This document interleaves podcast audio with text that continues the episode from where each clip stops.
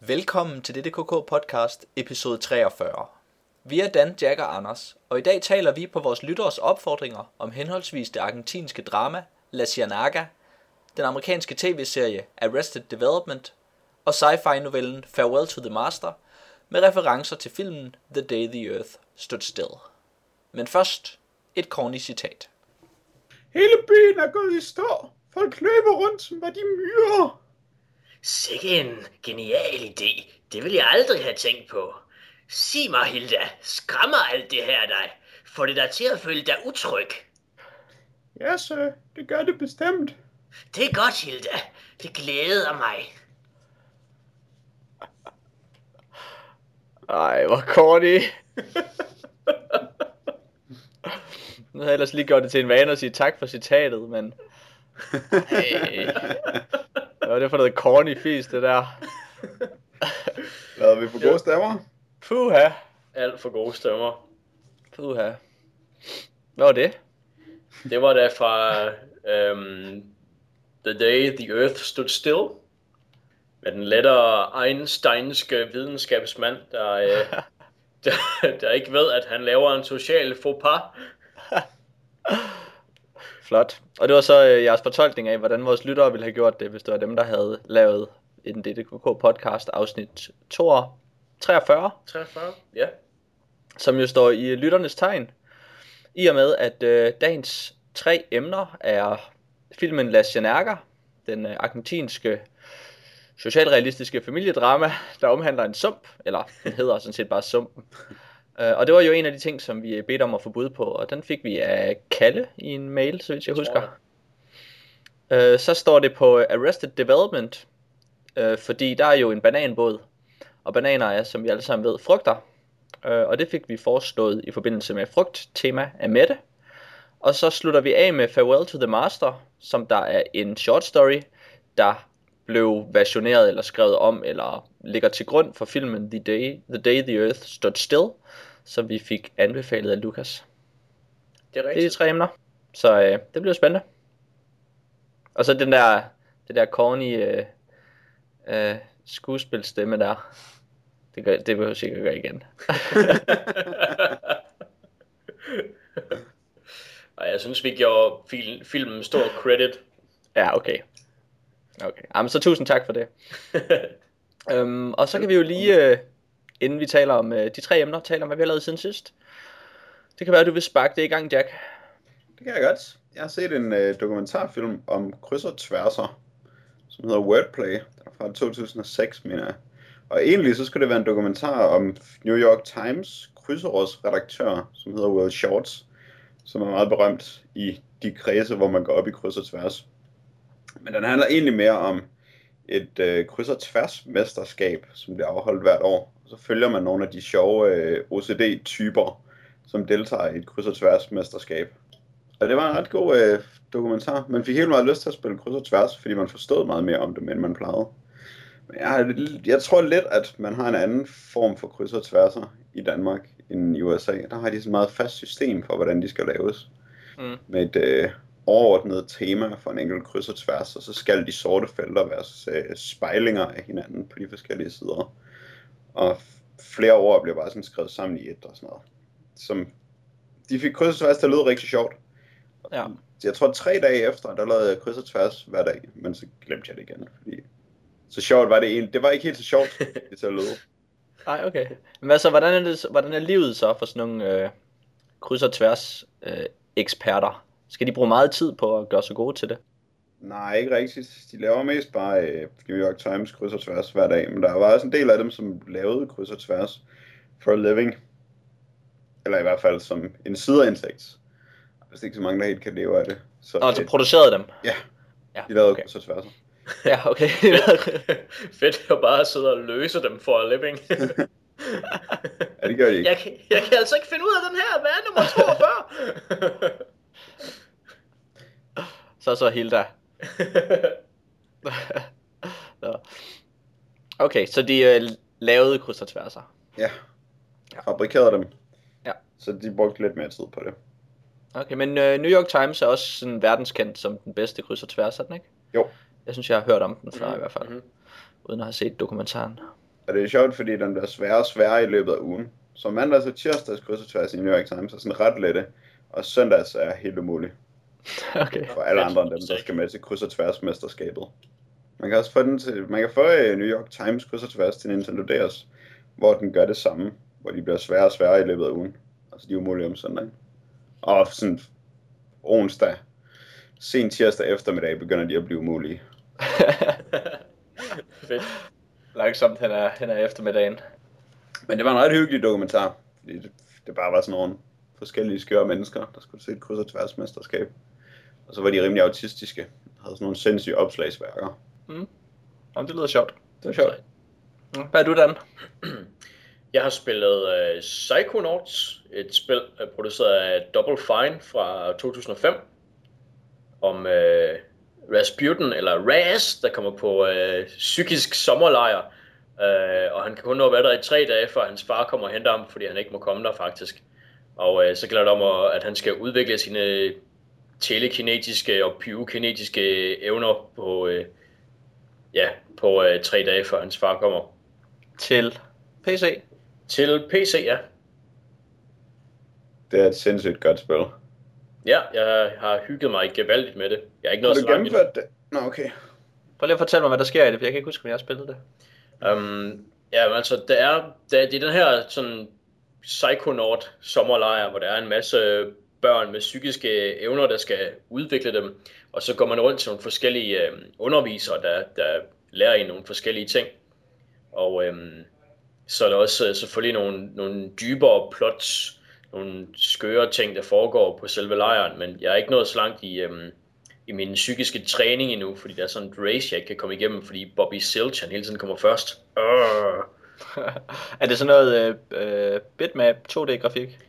Det er, øh, nej, det er 3D-grafik, det er sådan 3D-platformspil, kan man vel sige. Okay, nå. Altså, kender jeg det ikke. Nej, det er, Jeg tror, hvis du havde spillet det, så ville du vide det. Ja, tror jeg Det var i hvert fald kæmpe indtryk på mig, da jeg spillede det. Og jeg har aldrig glemt Ja. det, jeg tænker altid på det som et af de bedste spil. Ja, det er jeg virkelig bruger hyggeligt. stadig tit ham der drill sergeantens citat, når der er nogen, der er langsomme til noget. Ja, det må jeg lige afsløre. Der er sådan en bane, hvor man, skal, hvor man løber i sådan en forhindringsbane, en psykisk forhindringsbane, og så er der sådan en drill sergeant type, som råber af en, som er sådan en soldaterboss. Og skælder han helt meget ud, og så råber han nogle gange en, at uh, you're slower than molasses running uphill in January. og det var rimelig langsomt. det er faktisk rimelig langsomt. Så det kan jeg godt lide at sige til folk, Okay, når de er langsomme. godt nok. Men det er sjovt, fordi øh, at banerne er jo sådan psykiske konstruktioner, så de er alt Ja. muligt skørt underbevidst. ja, Og det Som, gør dem ret skøre opfindsomme. Som kød og cirkus, for eksempel, ja, er temaet for ja. den sidste bane. Der er i, uh, i Razes sind, hvor man selvfølgelig også besøger sit eget sind, der, uh, han, han kommer fra en cirkusfamilie, så der er sådan en cirkus-tema. Og så af en eller anden grund, som jeg endnu ikke har fundet ud af, så er der i stedet for sådan vegetation, så er der sådan nogle mærkelige bøffer, der vokser rundt omkring. Hvilket er rimelig fedt. det lyder da også ubehageligt. Ja, det er det egentlig også. Ja. Men det er et meget sjovt spil, Ja, fordi det er Tim Schafer, der har lavet det. ja, Han kan jo aldrig tage noget alvorligt. det kan han ikke. Men det er vildt godt. Og hvis Ja. man ikke købte det, da det var på tilbud på Steam, så er man gået glip. Og bør købe det nu, i stedet for. På ikke tilbud. Ja, Det er modtaget. Jeg har, øh, jeg har set en masse film. Jeg er gået i gang med at se øh, alle de første film, der har vundet prisen som bedste Oscar. Eller bedste film til de Oscars. ah, Og det er sådan lidt en sjov, øh, en sjov ting at gøre. Fordi nogle af filmene er gode, og nogle af filmene er mega dårlige. Som det jo også ligesom er, hvis man mm-hmm. ser på de nyere film, der har vundet prisen for bedste film. Og så tror jeg, jeg har fundet ud af, at øh, den eneste film siden øh, The Artist, der har vundet prisen som bedste film, der var en stumfilm, det var den allerførste film, Wings, som vandt øh, prisen i 1927. En fun fact. okay. Og ellers så har det kun været de der nymodens talkies, der har vundet. Ja, det har det. Det må jeg nok Så sige. Oscar er kommet full circle, Ja, det virker som, at øh, nu, er det, nu har de ligesom gjort det, de skulle. så nu kan vi godt afskaffe det. Ja, Lad os lukke det ned. Lad os lukke det ned. ja. Hvor langt er du nået? Øhm, jeg er nået til 33. Eller det vil sige, nummer 34 mener jeg er øh, mytteriet på Bounty. Mhm. Um, og den, ja, den har jeg ikke set endnu. Hvad har det været den bedste indtil videre? Um, pff, altså, It Happened One Night, um, men den tæller sig ikke helt, for den så jeg jo for et stykke tid siden. Ja, okay. Men den, den er lige inde. Men ellers så vil jeg sige øh, øh, 1929 eller 30. Øh, Cimarron er faktisk en ret god film, der handler om øh, nogle settlers, som der tager ud og øh, også, det ved jeg ikke, og, og bor ude i det, i det vilde, de vilde territorier der i øh, starten af 1900-tallet.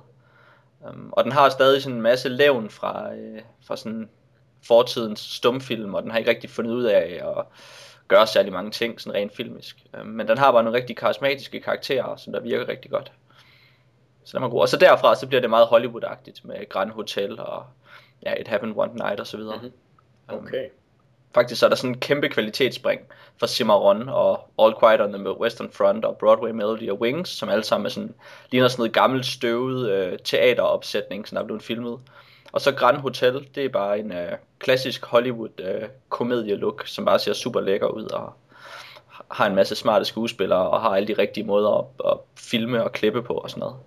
Så det, det er rimelig skørt, at det bare sådan, lige pludselig så har de bare Ja. lavet moderne film der, Ja, fra, fra 30 til 31.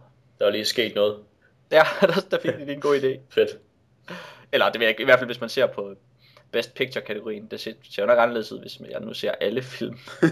Ja, Men altså, muligvis. men hvis man bare analyserer det ud fra det, ikke, så kan man sige, okay, der skete det.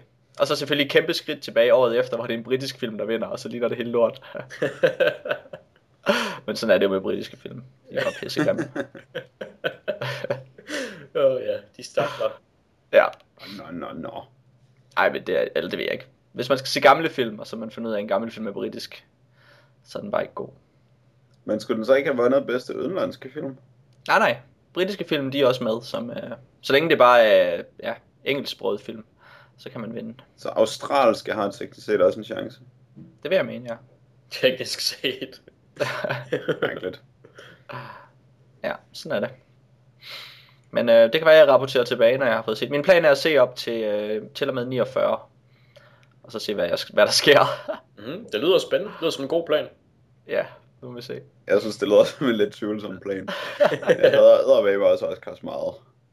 Ja, Nej, det gør du. Men ja, ja. Så indtil videre, så øh, er det gode, der er kommet ud af det, at en film, vi allerede har set, var god. Men ja det og så. Cimarron, som jeg ikke har set. Nej, okay. Og Grand Hotel, hvis man interesserer sig for det der mystiske spring, der pludselig sker. Det gør jeg ikke. Nej. Men du har lavet noget andet. Ja, jeg har set, eller jeg har set noget af en anden dokumentarfilm. En uh, Ken Burns dokumentarfilm om baseball, der er 18,5 time lang. Jeg har set de første Wow. 3, 3,5 timer af det, og det er bare så sindssygt kedeligt. Du må lige, du må lige forklare et eller andet omkring det. Ja, A- 18 timers baseball dokumentar. Men faktisk grunden til, at jeg er kommet til at se alle de her øh, dokumentarfilm, det er fordi, der i en sæson af Homicide er sådan en kameramand, som bliver en del af afdelingen. Og han snakker hele tiden om sådan nogle seje dokumentarfilmsfolk. Og så har jeg kigget lidt på dem, og sådan lidt øh, set, hvad det ellers førte mig til. Så det er derfor, jeg oprindeligt så Titicut Follies, den om Sindssygehospitalet, som så førte mig til nogle Mhm. andre forskellige ting. Og han nævner også Ken Burns, som er en berømt dokumentarfilmskaber, åbenbart som er krediteret for The Ken Burns Effect, som er, når man har sådan et still fotografi af noget, og så øh, panner man kameraet hen over det, eller zoomer sådan ud eller ind og sådan noget, mens der bare er et stillbillede, og så spiller han musik. Og han har så lavet en dokumentarfilmserie om baseball, som der er 11 afsnit af, som kommer op på 18,5 time, øh, som er lavet til, at der er sådan et årti om baseball i dem hver. Og okay. Okay. jeg har så set den, der er fra, hvad er det, 1860 til 1900 er det første afsnit, hvor den starter, og så 1900 til 1910 har jeg så prøvet at se. Og der er jo ikke sådan særlig mange optagelser af noget, så der er bare øh, stillbilleder, der bliver zoomet ind og ud på, mens der er fortællere, der snakker. Og så indimellem interviews med folk, som siger de mest åndssvage, latterlige, højstemte, platte, fjollede ting om baseball, som overhovedet ikke giver nogen mening, og man lærer ikke en pind om noget som helst. Men man keder sig helt vildt. Så Ken Burns, han har stemt ned. Ja, okay. Det Aldrig lyder mere. træls. Det minder lidt om de der, øh, når man laver sådan en dokumentarserie omkring jazzmusik. Ja, Og så det starter tror man, jeg faktisk også, så tænker Ken man, Burns har gjort. okay, det mener jeg nemlig også, jeg har hørt om. Og, Ja, det er rigtigt. Han har også lavet en om jazz, ja. Det, den synes jeg ikke, man skal se. Jeg, Jeg jeg, tror, den kørte på øh, DR2 i sin tid. jeg kan slet ikke lide Ken Burns. Jeg synes, det er irriterende, at øh, den effekt, han har fået opkaldt efter, så bliver omtalt rosende i mange kredse. Føj. Ja, det lyder dårligt. Nå, hvad med dig, Dan? Jamen altså noget andet, der også skal stemmes ned, det er øh, DC Comics' nye serie Grifter. Og øh, man kan måske huske, at jeg sidst berettede om, øh, hvad hedder det, Deathstroke-serien. Og Grifter, han er sådan en badass, der også lidt skal bevise, at han stadigvæk er en badass. Og så udover at han er en slags special ops soldat, der nu er retired, og er en con artist, lidt ligesom ham der fra Lost. Øhm, så bliver han også kidnappet af aliens, og øh, så er han, af en eller anden grund bliver de, slipper de ham fri igen, men så kan han se dem, og det kan ingen andre. Og så går han så rundt og, og skal udrydde dem, og så tror alle andre, at han er vanvittig og bare dræber folk, men de er i virkeligheden aliens. Men øh, så er der noget med hans bror, der stadigvæk er en special ops mand, og han skal så lede efter ham. Og så er det ikke, så er det lidt uklart, at han vist finder ham i slutningen af et nummer, og i sit næste nummer, så, så starter det sådan lidt et andet sted, så man ikke helt ved, hvad der sker, fordi at de ikke vidste helt, hvordan de skulle skrive ud af den situation, tror jeg. Og så er han stadigvæk grifter, og, og det er ikke rigtigt, det er ikke rigtigt et navn, han får nogen steder. Det er bare et navn, der er i en titel lige pludselig. Og hans, Det var bare så sejt, de ikke kunne lade være med at skrive det på forsiden. Grifter. Hvad kunne være sejere? og hans, øh, hans maske, han har sådan en karakteristisk maske. Det er sådan mere eller mindre noget, han finder i en, det ved ikke, en kostyme afdeling i et store magasin eller et eller andet. Men så er det masken som Aliens Fear. Og det ved man heller ikke. Det ved man ikke. Men så bliver han bare lige pludselig præsenteret i næste nummer. Og så skal man bare synes, at han er helt vild. Hvornår er det fra? Det er fra 2011. det er en af de der nye DC Comics serier. Det lyder som sådan et eller andet fra 57. Det, det, jamen altså, Grifter, han var oprindeligt sådan en, øh, sådan en 90'er badass helt med mange punge og store guns. Og øh, er han så blevet inkorporeret i, i DC-universet. Og, Dengang hedder han Blood Grifter. Ja, Hvad, hvad betyder grift? det er sådan en, en hvad hedder det, sådan en vagabond ting, sådan en øhm, S- Siger I drifter? grift, grifter med G. Ah, okay. Øhm, det er en, jamen sådan en, sådan en stratenrøver. Okay. Det er Junker. En junker. Starten Junker. Bondefanger. øhm, men altså, det, jeg ved ikke, jeg, altså jeg ved virkelig ikke, hvad, hvad grunden er til, at de vælger at lave den her. Det er virkelig altså, kedeligt og dårligt, og øhm, jeg har da også hørt, at den vist bliver lukket snart. Det er virkelig skørt med det der øh, New 52-projekt. Fordi Ja. jeg tror ikke, jeg havde tænkt over, hvor mange serier, 52 serier, egentlig var. Men det er bare mega mange. Godt nok mange, og jeg blev bare hele tiden ved med at støde på nogen, som jeg vil sværge på, at jeg aldrig har hørt om, selvom jeg læste om alle de nye serier, dengang de blev Ja. annonceret. ja, Der er bare så mange, og der er så meget, der bare er noget mærkeligt bras. det er virkelig rigtigt. Altså, jeg er med vilje startet med nogen, som jeg ikke regner med, der fører nogen vegne, så jeg hurtigt kan skrive dem af. Og Grifter sværger jeg på, jeg aldrig har hørt om. Ja, og den, den behøver du heller ikke at bekymre dig om overhovedet. Hvem har skrevet den? Øh, det er... Ah, hvem pokker det, der har skrevet den? Det kan jeg ikke engang huske. Det er en eller anden ligegyldig laps. Okay. Er det også en ligegyldig laps, der har tegnet det? Øh, ja. Det Okay. Og øh, jeg Good tror rent faktisk, ja, jeg tror rent faktisk, at de, i de her sidste øh, dødsrallen, så både Deathstroke-serien og Grifter, og der var vist en mere, der alle sammen bliver overtaget af Rob Liefeld, som er, som er notorisk forfærdelig til alt inden for tegneserier. Men han har lavet Hawken op hele tiden, har han ikke? Jo, som også Crasher og Burner. Okay. Men nu tager han lige Deathstroke og, og Midnighter med, fordi det, det kan han lige så godt. Øh, undskyld, ikke Midnighter, øh, Grifter. Og, og så, Ja, altså, de skal, de skal lukke alligevel. Altså, det er ligesom blevet annonceret, at de her serier, de går ned nummer hjem, så de kan lige så godt sætte ham på dem, altså. Men jeg ved ikke, jeg ved ikke. Det, det er sådan ret tvivlsomt, deres, deres markedsføring med de her serier, altså. Altså, Rob Liefeld fans køber jo hvad som helst, hvis bare Rob Liefeld har lavet det. Ja. Det var præmissen for det. Det må man skal nok lige se, om han har fans nok til, at de kan bære serien alene. Ja, Fordi så er man sikkert også sikker på, at ingen andre køber det. det er rigtigt. Det er måske det, de prøver på. Øhm, ja, jeg har sådan set ikke så meget mere, jeg vil sige. Har I en øh, lille hurtig ting, I kan lufte, eller skal vi gå i gang med... Jeg tror, jeg er løbet tør. Jeg Ok. tror, vi skal gå i gang. Det synes jeg også. Øhm, er det ikke dig, Dan, der øh, står for sumpen i dag? Det er faktisk mig, ja. Jo, jamen, øh, La Ciénaga.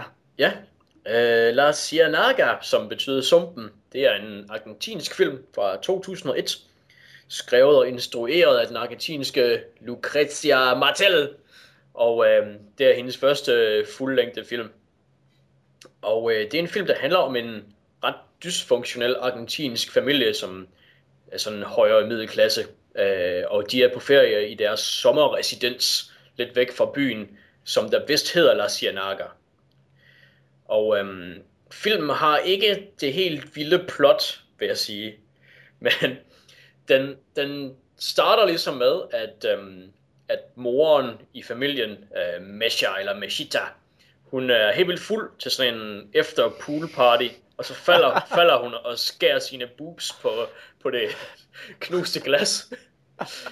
og øhm, så ser man ligesom, hvor defekte at, at den her familie og, og deres venner er, fordi alle de voksne, de er for fulde til at gå ind på hospitalet, og øhm, derfor så er det hendes enten datter eller niece, der er 15 år gammel, der må køre hende, og, øhm, og hun banner og svogler over, at øh, hushjælpen sjæler håndklæderne, imens hun bliver kørt til, øhm, til hospitalet, og, øh, eller til El Gringo, som de kalder en læge derinde. og øh, herinde er der også øh, en, hendes kusine Tali fra byen, som øh, er til lægen med sin yngste søn, der har skåret sig i benet, og så øh, følger man ligesom de to familiegrupperinger om, at de kommer og besøger sommerresidensen, og øh, alle er sådan lidt omtoget og lidt gag, og børnene passer mere eller mindre sig selv, og det er alt sammen sådan rimelig dysfunktionelt.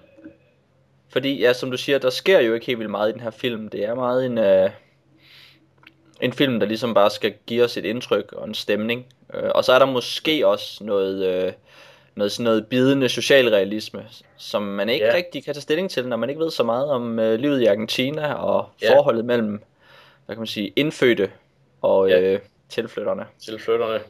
Ja. Ja. ja. Men det ved, jeg, det ved jeg ikke, hvordan oplever I det, den del af filmen? Sådan, øh, Det var svært at forstå det som andet end bare den sædvanlige skildring af sådan en bourgeois-familie og så hushjælpen. Fordi det kunne lige så godt bare være stuepigerne, de brokkede sig over. Jeg ved godt, at de kalder dem indianere hele tiden, men det kunne man jo lige så godt bare kalde øh, underklassen, hvis man var i England, eller Mm-hmm. stuepigen, hvis man var et andet sted. Ja, men sådan havde jeg det også lidt, og jeg valgte sådan lidt at ignorere den del, da jeg så filmen, fordi det synes jeg ikke var så spændende. Det var svært jeg, nok at følge med i forvejen. Ja, Jeg ja, jeg sad og følte så mig, jeg sad og følte mig ret sådan handicappet, i og med at jeg ikke havde den der kulturelle viden om Argentina, til at, ligesom at, at følge med i, hvad der var, hvad der måske var vigtigt, og hvad der måske ikke var så vigtigt i filmen. Nej, det gør jeg ikke. Jeg synes, Nej. de første, den første scene, den siger sådan alt om, hvad der er vigtigt i filmen, synes jeg. Det vigtige er, at der er fugtigt, og de er fucked up. og det siger de første scener var fuldstændig perfekt. Ja. De er virkelig gode. Det er Fordi- rigtigt. Der er virkelig fugtigt, og alt er sådan, altså, sådan, forestil dig, hvis hele dit hus bare er vådt tapet, der var sådan er ulækkert at røre ved, og Ja. alle folk går rundt med ar, og der er ikke rigtig nogen, der sådan går i bad, men de lugter alle sammen sådan lidt jordslået. Og det er 50 grader med 100% luftfugtighed.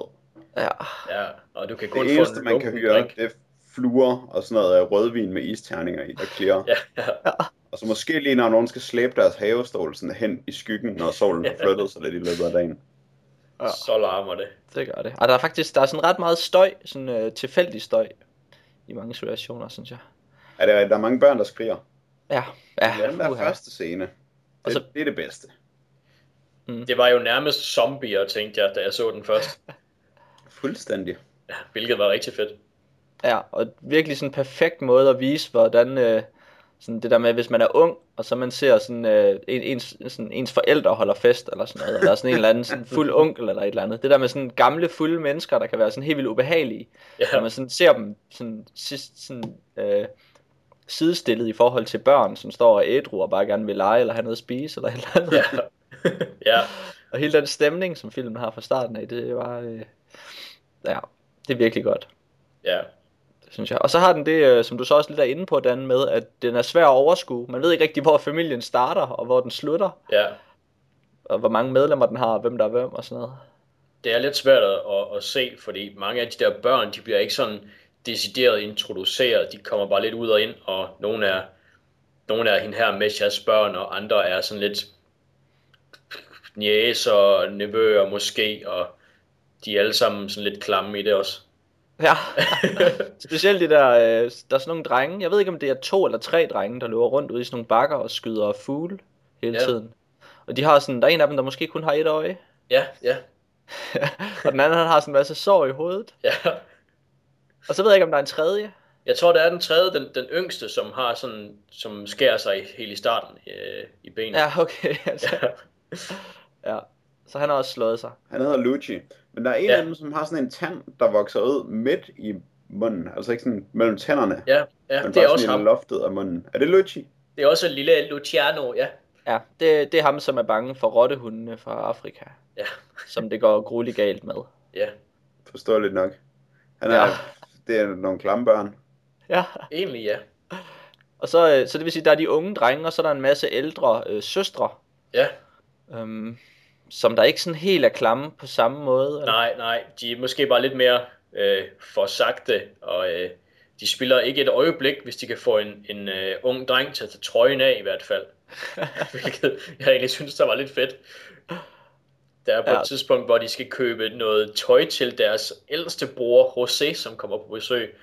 Og så har de en eller anden ven, der sådan ligesom, som de hiver ind i den der tøjforretning, og så skal han prøve en trøje. Og han siger sådan noget med, at han ikke er samme størrelse som så... Nej, nej, det ved vi godt, det ved vi godt, bare til tøjet af alligevel. så, det er, det er de meget uh, succesfulde med. Ja, det var godt hacket. Ja, Men, de, men, øh, men der, er, altså, der er en, en af søstrene, som hele tiden går i badedragt, Ja. øhm, og som man får at vide er klam. Og man kan måske også godt lidt se på hende, at hun er sådan lidt klam. det er hende med det fedtede hår. Ja, Ja, og så er der øh, hende med krøllerne, som der har sådan et ar på hagen, som om at hun også en eller anden gang er faldet helt vildt slemt. ja, Det ved jeg ikke, om I lagde mærke til. det tror jeg godt, jeg så, ja. Og er der så flere? Måske Det ikke. lidt an på, hvilken familie. For der er også de små piger i Charlies familie. Som er Ja. nogle andre end Matchers børn. Ja, Ja. De, de løber bare rundt med mega meget makeup. Åh oh, ja, bliver skudt på med vandballonen. Verdens de er faktisk mindste lidt- flusies. Ja. ja, ja, okay, så det er, sådan, det, det er vel dem, der er. Det tror jeg ikke. Jeg tror, der er mange Nej. flere end dem, vi har nået igennem. Men så er der også José, som er ja. Matchers yng, ældste barn, Ældste søn. som bor et andet sted sammen med en. Og der er Charlies mand, kæreste, eller sådan noget. Altså, der er vildt mange mennesker. Der, er- En ja. kæmpe pærevælling. Og jeg tror, grunden til, at man føler, at der er en kulturkløft, og at man ikke ved nok om argentinsk kultur, det er bare, at der er så mange mennesker, som man ikke ved, hvem er, som hele tiden løber rundt og skriger af hinanden, og så øh, sover de i samme seng hele tiden. Ja, så, så hvis der var nogle danskere, der lavede en film med samme øh, sådan opbygning af en familie, så ville en argentiner, øh, hvis man kan sige, sidde i samme situation, som vi gjorde. Ja, vi ville måske også sidde i samme situation, fordi det bare er forvirrende. Ja. Og ikke nødvendigvis er forvirrende, fordi det er en anden kultur. Nej, bare fordi det er en meget forvirrende film. Meget forvirrende. Ja. Det kan godt tænkes, faktisk. Det er rigtigt. Så man skal slappe af, når man ser den. Det er man godt nok. Ja. Den bliver, Ja. meget, den bliver faktisk ret irriterende, hvis man er øh, distraheret eller stresset, mens man ser den. Det tror jeg, der er helt rigtigt. Okay. Hvad, hvad synes I om den? Nu, øh, nu kan jeg fornemme på dig, Jack, at du er ikke helt sikker på, hvor du har den her film. Ja, fordi jeg synes, jeg blev for forvirret og for øh, stresset over den. Sådan i den sidste del af det. Jeg synes, det der starten på den var helt fantastisk, og jeg synes, der var flere scener i løbet af den, hvor man fornemmede den der fugtige hede igen. Men jeg synes, der var for meget, hvor folk bare løb rundt og skreg, og jeg ikke vidste, hvad der foregik. Der gik Mm. de mig lidt på nerverne. ja. Der er faktisk også lidt psycho Betty over den, er der ikke? Det er der faktisk lidt. Så er det ikke lidt for letargisk, en Betty'en? Ja, måske. Hun sidder vel mest og beklager sig over, hvor ødelagt hendes kavalergang er, fordi hun væltede en masse vinglas i en brændert. Ja. Og så vil hun Ja. gerne have mere is i sin rødvin. Ja, Vil hun dele med gerne. det er rigtigt nok. Hvad, hvad synes I, øh, fordi filmen den har jo sådan meget øh, jævn spændingskurve, øhm, og hvis der er nogle dramaer i løbet af, af filmen, sådan ud over det sådan ene åbenlyse drama, eller man kan sige de to åbenlyse, man kan sige, den starter med, at der sker noget, og den slutter med, at der sker noget. Og så har vi sådan en lang midte. Synes I, der er nogle steder, I vil slå ned og sige, har et dramatisk øjeblik i filmen? Altså, der var drengen falder ned ad stigen. Jamen det er det, jeg tænker på, det er til sidst. Det er det dramatiske øjeblik. Mm. Og, Altså, det- men også ja. lidt starten der, hvor Mon falder i vinglassen og skærer sig helt meget. Og så er børnene sådan, øh, har meget travlt med at få hende til lægen og sådan noget, og de voksne synes bare, hun skal rejse op, fordi det snart begynder at regne. Så falder de om i en brændert igen. Det, er også, det, det tænker man, at sådan, det kunne godt være en, øh, en farlig, dramatisk situation i mange familier. Selvom Mm. det viser sig ikke helt at være det i den her familie.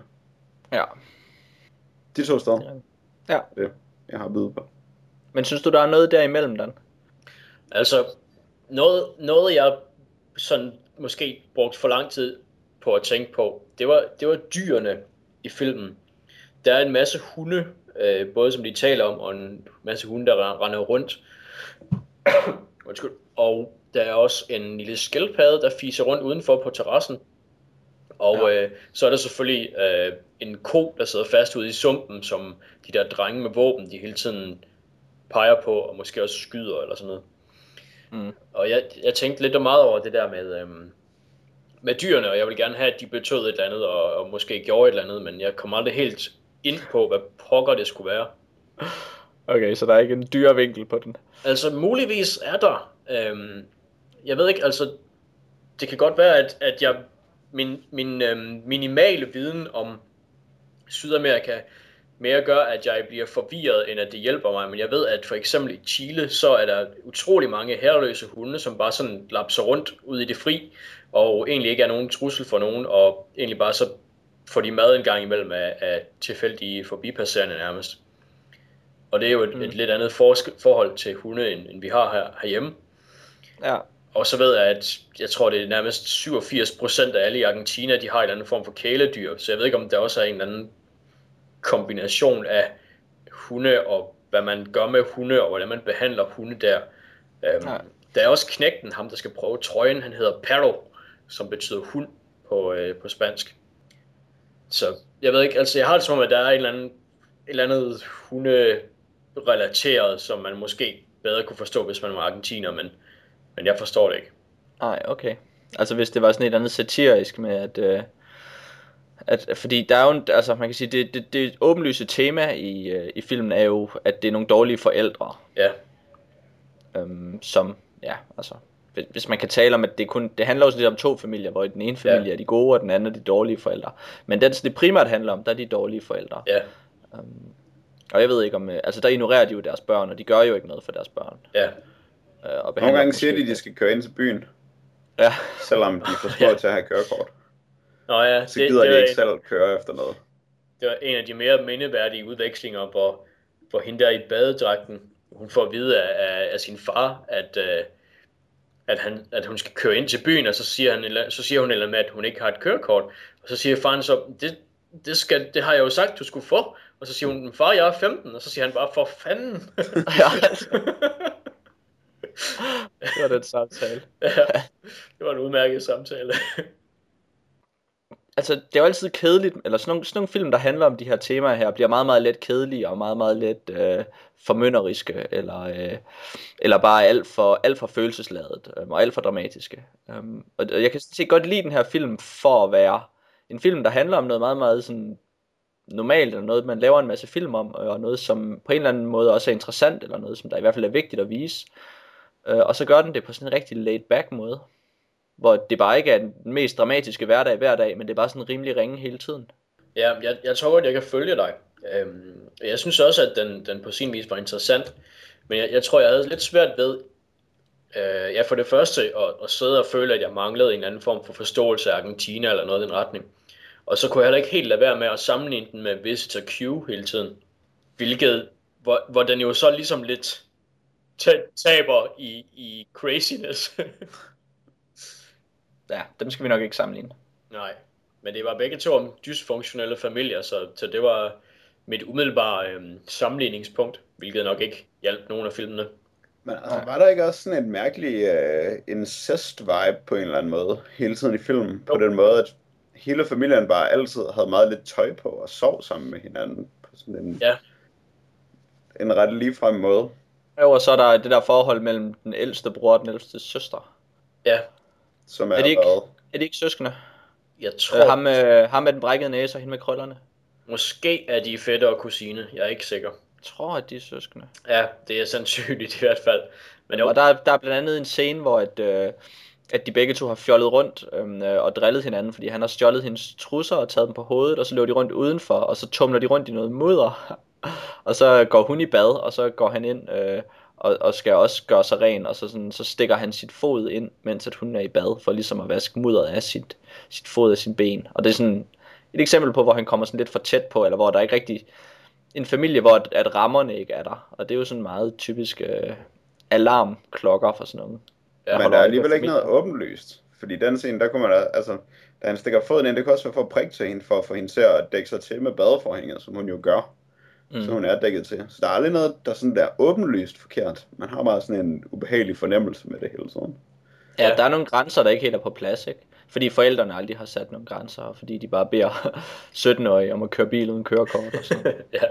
Nej, 15-årige, undskyld. 15-årige, ja. Og så er der faren der, Gregorio, som ikke siger så meget, og som af en eller anden grund farver sit hår. Ja. det, var også det, er faktisk, det er faktisk det eneste, vi ved om ham. Ja, det var ret morsomt, synes jeg. Det var fedt. Og så har den den her sjove parallelhistorie, øh, som vi fortalt gennem medierne, eller løbende, mens, mens filmen udspiller sig, om at, øh, at der er en eller anden, der har set Jomfru Maria på et vandtårn. Ja, det er rigtigt. Og det var bare sådan rigtig herlig, ah, nu er det argentinsk kultur, og så får man sådan noget rigtig argentinsk kultur. Ja, den er ikke sjov. Den kan jeg ikke lide. Nej. Det meget bedre lige sideplottet med håndklæderne. Hvor fanden de ligger henne, de håndklæder? de gik bare så meget op i deres håndklæder. Folk ja. snakkede hele tiden om, at det her er mit håndklæde, og det her er dit håndklæde, og hvor er håndklæderne er. Jeg kan ikke finde håndklæderne, og stuepinen stjæler håndklæderne hele tiden. Ja, og det er fedt, at hun, håndklæder. det er fedt, at hun senere lyver og siger, at hun faldt over et håndklæde. det var jeg vild med, faktisk. okay, der er faktisk ikke grænser for, hvad de gør, det der håndklæde. Nej, det er helt vildt. Ja. De spiller en ret stor rolle. Ja. Men det er måske... Øh, I argentinsk kultur, der spiller de måske bare en stor rolle, fordi det er så folkeligt. er det hele bare kulturforvirring? det må vi gå ud fra. så kan vi i hvert fald uh, læne os tilbage og sige, job well done. Ja. Jeg ved ikke helt, om den går. Ej, jeg synes, filmen øh, var fed til at begynde med, men jeg ville ønske, den havde været mere doven, egentlig. At der havde været mere med folk, der bare lå flod og havde det for varmt til at gøre noget. Ja. Man kan lave det med sådan et meget varmt, fugtigt klima, der kan man lave lidt sådan den samme slags film, som dem, hvor folk er helt vildt sultne og ikke kan gøre noget. Og så skal de bare ligge og ikke kunne gøre noget, og det er ubehageligt. Og det kunne ja. de have gjort meget mere i den her. I stedet så var de helt vildt op at køre. Og det gik mig lidt mere på nerverne. Jeg kunne ikke så godt sådan sidde og nyde en stemning, når de var så meget på at køre hele tiden. Nej, det var godt meget op at køre. Ja, jamen, det er rigtigt nok. Den kunne godt besejre sig selv lidt i dens øhm, sump perspektiv. jeg ved ikke, hvad jeg prøver at sige. Men den kunne godt, altså, det, starten er så sumpet, ikke, at, at det sådan er ret fedt. Og så nogle gange, så har de bare de der maskingevær samtaler, hvor de bare snakker helt vildt og råber og skriger. Og så bliver man, så man ved ikke helt, hvor man skal gøre af den, af de dele af filmen i forhold til de andre. Nej, det er nok. Starten var nærmest for god. Ja, jeg tror næsten, det er det, der er problemet. Jamen, ja. det kan jeg godt sige. Det synes jeg, den var. Men det var så også rimelig god. Ja. Bestemt. Godt nok en god start. Ja. Jamen, jeg kan jo altid godt lide sådan noget, øh, sådan noget som den her film. Hvad er det? Jeg. Um, jamen, det er jo lidt sådan en øh, sådan bagmandsk familiedrama-stemning. Hvor der ikke sådan sker så meget, men der er selvfølgelig lidt drama. Og så sker der sådan lidt i starten, og så sker der noget dramatisk til sidst, sådan noget. men ikke sådan rigtigt. Ja, du, du sælger den godt i hvert fald. Nej, men det, det, det, synes jeg, og det synes jeg heller ikke rigtigt, man skal, og det er jo heller ikke en særlig populær måde at lave film på. Nej. Og det her, det er jo faktisk en meget øh, sådan, velanset film, sådan, fra Argentina, men den får stadig 6,9 på IMDb, ikke? hvor man kan sige, okay, normalt så får de velansete kunstfilm 7,5 eller 8, ikke? men den, den kommer altså ikke derop. det er rigtigt. Så men altså, de har det svært, sådan nogle film. Ja, men den er interessant, altså det synes jeg bestemt. Men øh, vi kunne jo godt prøve at tale om alle mulige tolkninger og alle mulige fis med den, men det synes jeg ikke rigtigt, der er nogen grund til. Er det ikke sådan med en film, som er så realistisk? Jo, det synes jeg også. Og skulle trække tolkninger ned over den. Øh, og man skal jo heller ikke, øh, nej det der, man skal heller ikke sige, at den handler om et eller andet, eller trække en linje omkring, øh, omkring hvor den starter, hvor den slutter. Fordi den kører bare. Ja, ja, det er helt sikkert. Jeg tror måske faktisk lidt der, hvor kæden hopper af, at øh, for mig, der er den både på den, sådan, på den ene side en stemningsfilm, og på den anden side sådan et realistisk, realistisk familieportræt. Og begge dele er sådan set fedt, men de kommer lidt i vejen for hinanden her, tror jeg, jeg føler. Ja. Mm. Mm. Ja. ja, jeg kan godt se, hvad du mener, Jack. Ja, måske. Ja, og, og det realistiske... Og det, og det realistiske familiedrama er jo ikke sådan specielt godt. Nej. Det er det, eller det, det er svært, når man ikke har styr på karaktererne overhovedet. Ja. Man ikke engang ved, hvem der er i familie med hinanden. Så det er svært at vide, hvad der sker. Ja, altså familiedramaet mellem de personer, man ved, hvem er, synes jeg fungerer ret godt. Altså for eksempel Tarly og Mecha og deres tur til, som de mhm. planlægger. Mm-hmm. Det er sådan en, en god sidelinje. Og det der forhold mellem de to ældste børn, vi tror i hvert fald, de er de ældste børn, det synes mm. jeg også er ret godt, fordi dem kan man også forstå, hvem er. Og så er der en masse andet, som man ikke helt forstår. Ja, ja det er rigtigt. Okay. Jamen, øh, skal vi ikke sige, at øh, det var en dysfunktionel argentinsk familie? Og så kan vi springe til en dysfunktionel amerikansk familie. Lad os gøre det. Fordi vi har jo set frugtserien Arrested Development. um, og i Arrested Development, så ligger der jo, at, øh, at det er nogle barnlige, en barnlig familie, vi skal have med at gøre. Øh, og også at familiens udvikling måske er stoppet i og med, at øh, de har mistet deres, øh, deres penge. Um, det er en, en komedieserie, øh, der handler om, hvad er det, familien Bluth. Og øh, serien starter med, at øh, faren Bluth, hvad hedder han, øh, George Bluth, øh, ryger i fængsel. Og så skal familien så tage sig af øh, hans virksomhed og virksomhedens assets, eller familiens assets, eller aktiver. Um, og det bliver så øh, seriens cirka hovedperson, Michael Bluth, som der, der får det ansvar. Um, og det er sådan set bare en ramme for at lave sjov omkring, øh, hvor man kan sige, hvor fjollet sådan en, øh, en rig familie er, og hvor ynkelig den er, når den skal gøre normale ting, øh, og når den ikke er rig længere. Og så, øh, ja, og så begynder de sådan set bare øh, at joke omkring med det. Der er de her også rimelig mange karakterer i serien, som der også er forvirrende fra starten af. Og det ved jeg ikke, om jeg skal gennemgå, eller om vi bare skal se, hvem af dem vi kommer ind på, når vi taler om det, og så nævne dem der. Det synes jeg næsten, vi skal gøre. Ja, lad os gøre det på den måde. Um, og så er den øh, kendetegnet ved øh, sådan to, øh, to greb, eller to stiltræk, hvor den ene er et håndholdt kamera, som gør, at, øh, at det hele virker lidt, det får måske lidt reality feel, um, på samme tid med, at man ser et portræt af en familie, så får man også lidt en fornemmelse af, at, at det kunne være sådan en en reality-serie, man så, øh, bare plus yderligere craziness. Og så er der så en fortæller, som der jo så tager det i en anden retning, fordi det, jo, det kan man faktisk godt bruge i nogle dokumentarserier, men så er det også rimelig cheap. Men en, en fortæller, som der så også er, er Ron Howard, der er executive producer på serien, som, øh, som lige fortæller, hvad der sker hele tiden. Og det bruger de øh, meget.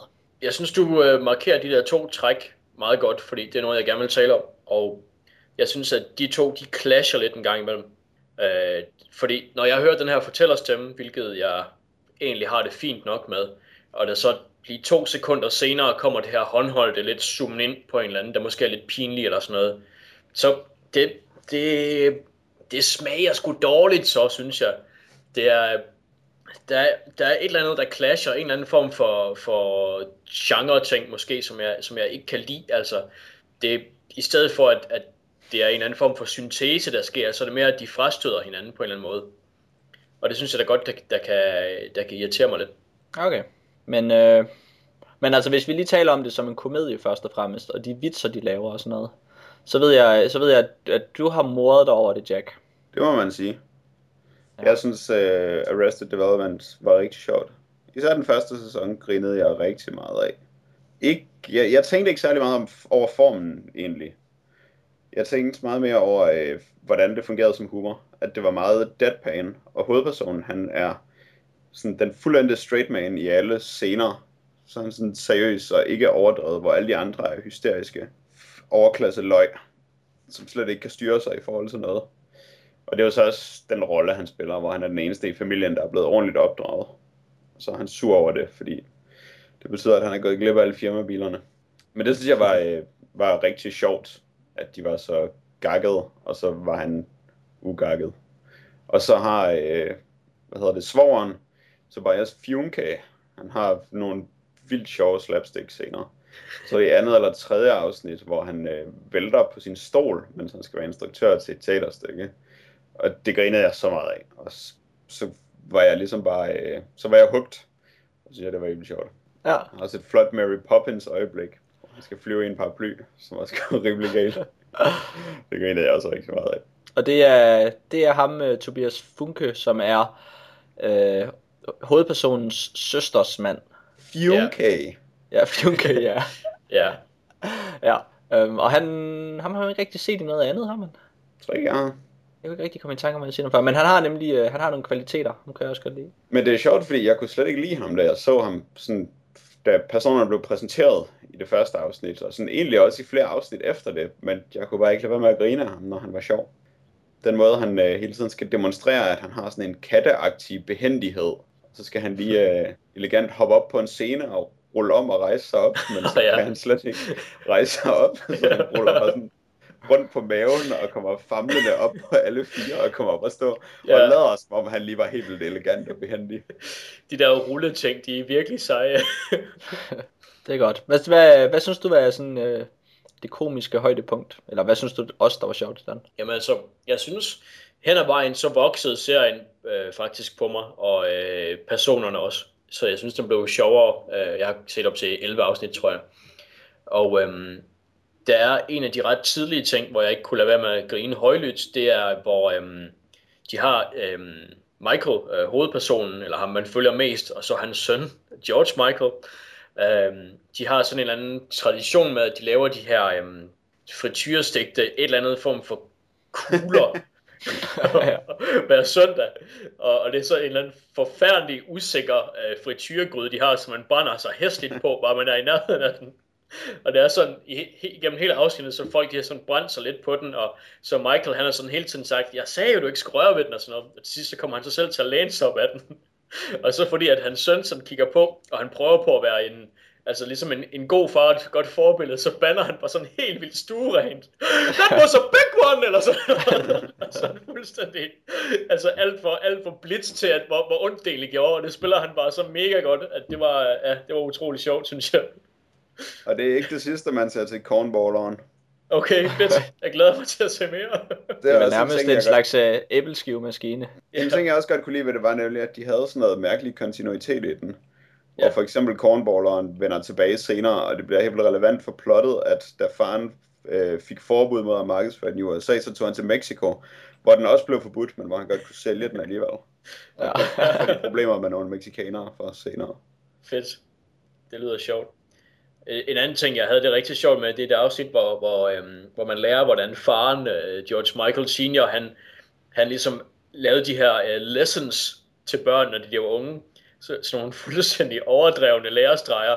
Sådan med, at hvis man ikke skriver en seddel om, at der, øhm, at der mangler mælk i køleskabet, så kommer man til at køre en mand ned. Altså sådan nogle fuldstændig øh, helt vilde fortænkte scenarier, hvor, de så, hvor han så, faren han hyrer så en mand til at være en, der, bliver, der skal blive kørt ned. Og han har sådan en kunstig arm, som så ryger af, når de kører ham ned på vej hen efter mere mælk, fordi at, ja, altså, fordi man altid skal leave a note, som han siger, og så har han bare de der fuldstændig sindssyge planer for at lære dem de her lærerstreger, og, og øh, ja, det er sådan nogle lærerstreger, der hænger ret meget med ved for dem, mens de er voksne også. Ja, det er sjovt, fordi det var en af udfordringerne, fordi jeg ser sådan set lidt som den her, eller den her serie som et forsøg på at lave sådan noget øh, Family Guy humor, men real life, hvor man kan sige, man har jo altid grænsen, når det er real life, så kan man ligesom ikke gøre så meget, fordi så kan kæden hoppe af, så kan det blive sådan bare for ekstremt. Og det ved jeg godt, det, der, der leger den her vel lidt med den grænse, gør den ikke? Er der ikke øh, lidt for ekstremt, eller lidt for gakket, nogle af de ting, der sker? Altså det, det kan man måske øhm, sige i forhold til, at de har det her reality-greb, eller hvad man vil kalde det. Men det ved jeg ikke, jeg lærte bare at prøve at ignorere det her reality-greb, for det synes jeg, der var sådan lidt for, øhm, det, var lidt, det var lidt dårligt lavet til at starte med. Og da jeg så ligesom kom væk fra det, så kunne jeg nyde øhm, de mere sindssyge dele af det, fordi det synes jeg nok, at det var nok det sjoveste. Ja, det var det sjoveste.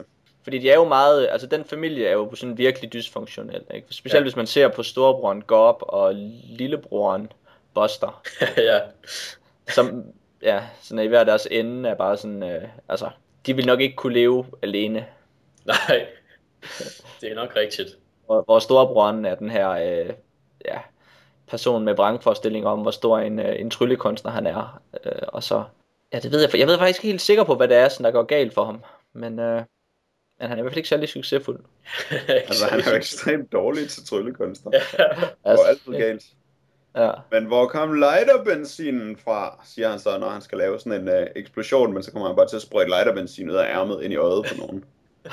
så det er som om, det er det, der er tryllekunsten. ja. Han kan trylle det frem. Og det er en Ja. ja. Så det er det, Ja. der går galt for ham, at han er ekstremt dårlig til det, og så er han vildt sleazy. Det er han også, ja. Ja, okay. Og så øh, lillebroren, som jo så bare er underudviklet. En morstreng. Ja. Kedelig. Ja, han er faktisk også lidt kedelig. Måske indtil Salon tager hans hånd.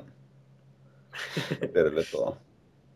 Jeg har et, øh, jeg har et eksempel på, hvordan, øh, hvordan det bliver lidt mærkeligt, eller hvordan det, jeg, jeg synes, de snyder lidt, fordi de har en fortæller. Det kan jeg ikke lade være med at tænke, øhm, fordi jeg, jeg har aldrig nogensinde kunne lide fortællere, så jeg ved ikke, om det er sådan en generel ting, som jeg vil sige om serien, fordi jeg er måske ikke den eneste, der har det sådan.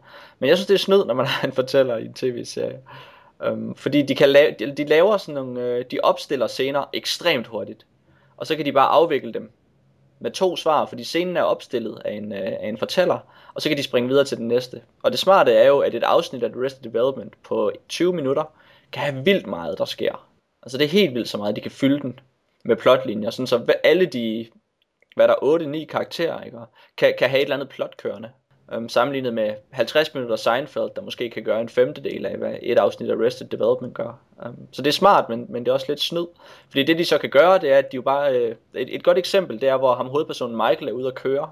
Og så fortæller øh, fortælleren os, at han ser det, han tror er hans mors husholderske. Um, og så samler han hende op, og så, øh, får, og så finder vi ud af, også gennem fortælleren, at hun ikke ved, øh, hvor hun er, og at hun er bange for ham på grund af nogle omstændigheder i bilen. og tror, at, at, bil, at, at han er en morder, og det får vi så også at vide gennem for- fortælleren, og dermed også, at hun så ikke er der husholdersken. Fordi der ligger et kranie på bagsædet, og der er sprøjtet neglelak ud over instrumentbrættet, så det ligner blod, hvilket er to af de andre figurers plot. Ja, det er det. Og så, øh, og så kører det så videre derfra, og så udvikler den sig. Og alle de her ting og alle de her indtryk, som der normalt er vildt svært at lave på film, ikke? det er vildt svært at, at vise, at, at folk lige ser det her, eller det er ikke vildt svært, men det kræver i hvert fald noget at lige, at lige etablere, at hende her hopper ind i bilen, og så ser, øh, at, øh, at det er utrygt, og, og hun tror, at han er en morder. Men så har man en, en fortæller, der kan fortælle de ting, øh, og hele hans disconnect med at tro, at hun er en anden, og samle hende op og sådan noget.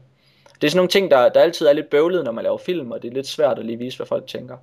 Og det kunne de bare gøre lynhurtigt, og så har de bare sådan den, øh, den mest, eller en, en rimelig kompliceret forviklingskomedie øh, sat i scene inden for sådan, det ved jeg ikke, 20 sekunders øh, beskrivelse af en fortæller. Og det er sådan et godt eksempel på, hvor hurtigt de så kan lave det her, ikke? Og, hvor, øh, og hvordan de bare kan lave alle plots, uden de skal tænke over, hvordan de faktisk viser, hvad folk føler og tænker i situationer.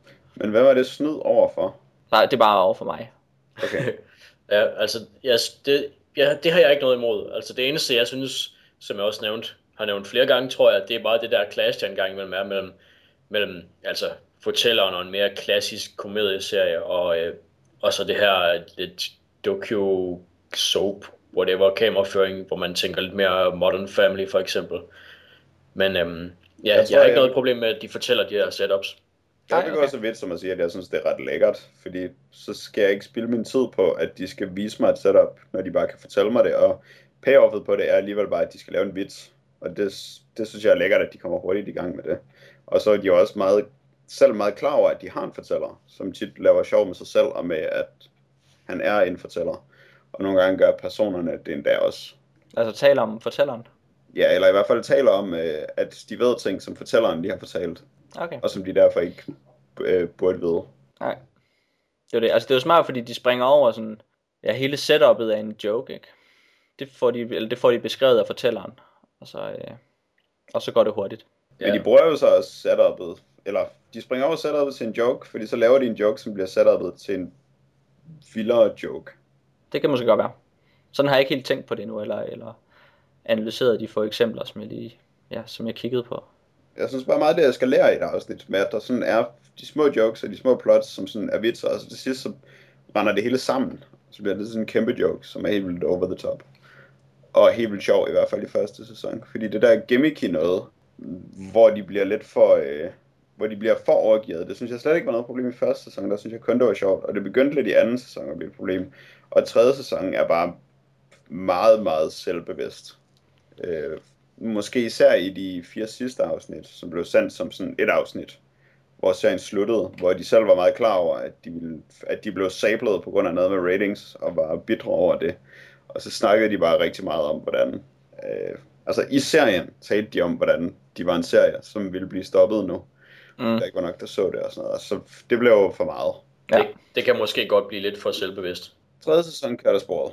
Og det er tredje sæson, og så er det stoppet, og så har man lavet en sæson, som udkommer i 2013. Så. Øh, og så kommer der måske også en film. Okay. Men det er vel så også, der er jo heller ikke så mange karriere, der er, der er gået amok efter, udover øh, Michael Cera, som spiller sønnen George Michael. det er rigtigt. Vel, ja, har haft ret meget at lave siden Scott Pilgrim og ja, de andre ting, han lavede. Som var meget mindre akavet, da han var lille med i Arrested Development. Ja. ja. ja. Det er godt. Men jeg tror, det er en dårlig idé at starte det op igen. Det ender bare ligesom det nye Futurama. Oh, jeg. I hvert fald, hvis de fortsætter kurven fra tredje sæson, så ja, er jeg skal, ikke særlig fristet. Man skal også gerne have noget, man gerne vil fortælle, ikke? Ja. Um, jeg ved ikke, hvor meget man har at fortælle i det, altså, fordi man vil bare gerne holde det i det, i det limbo, der er Arrested Development, hvor det lige ja. præcis passer med, at, at storebroren uh, Michael ikke, lige, ikke altså har sådan en magtbalance, hvor han lige præcis ikke har magten hele tiden, men han tror, han har magt. Og ja. den, uh, den, den er svær at blive med at holde så længe, kunne jeg forestille mig. Ja, det, er jo, det ligger jo også i, i selve konceptet, at de ikke udvikler sig. Så derfor så er det nok også begrænset, som du siger, hvor lang tid det egentlig kan blive ved med at køre. Men på den anden side, så kan man lave det animeret i, i 17-18 sæsoner, ja. hvis, man, hvis man taler det. Altså, og på den måde, så har det jo meget en formel, ikke? og det er ekstremt billigt at lave, fordi man lige præcis har det håndholdte kamera og en fortæller. Mm-hmm. Det gør, at man skal filme utrolig let, og så kan man lave det hele i post-production, og bare sætte det sammen og bare lige ændre et par ord i fortælleren, eller lige lave hele plottet om, hvis man har lyst. Man kan virkelig gøre meget, hvis man øh, bare kan smide en fortæller ind til sidst. Så det er smart. Men, nu skal vi sige øh, farvel til Arrested Development. Oh my god, lige sige, at der er en, øh, en homi- et homicide crossover i den faktisk. Ja, I det, det næst sidste afsnit, der optræder øh, John Munch fra Homicide, som John Munch fra Homicide. Øh, fordi FBI afholder sådan en fake scrapbogs-klasse, som Tobias Funke melder sig til, fordi de har haft helt meget held med at narre folk til at lave scrapbøger med alle deres øh, ulovlige udenlandske bankoverførsler og sådan noget. Så det prøver de også at gøre med ham. Og så er det Munch fra Homicide, som er professoren i scrapbogs klasse. Det er da fedt. Du får alligevel viklet uh, Homicide ind i det her afsnit også. Ja, ja. Det, det, det er ikke mig, der gør det. det er alle steder nærværende. Det er, det er imponerende. Lad os se, hvad der sker uh, næste gang, Jack hvad du kan finde på der. Men nu siger vi farvel til Arrested Development, for jeg vil insistere på den her segway. og så siger vi goddag til Farewell to the Master. wow.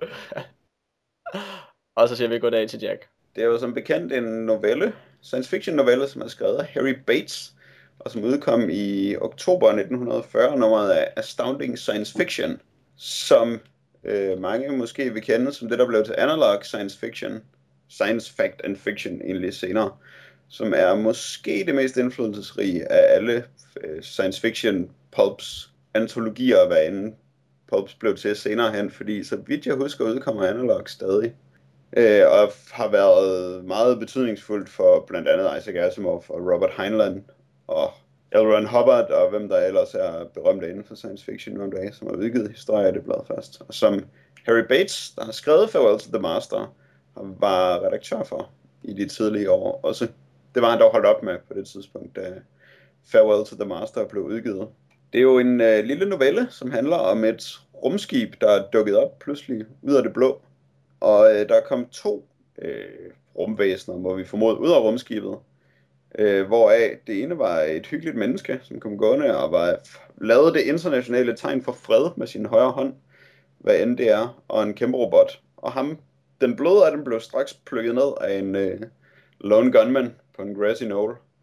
Og så holdt robotten og rumskibet op med at virke. Og siden da har folk spekuleret over, hvad det egentlig betød.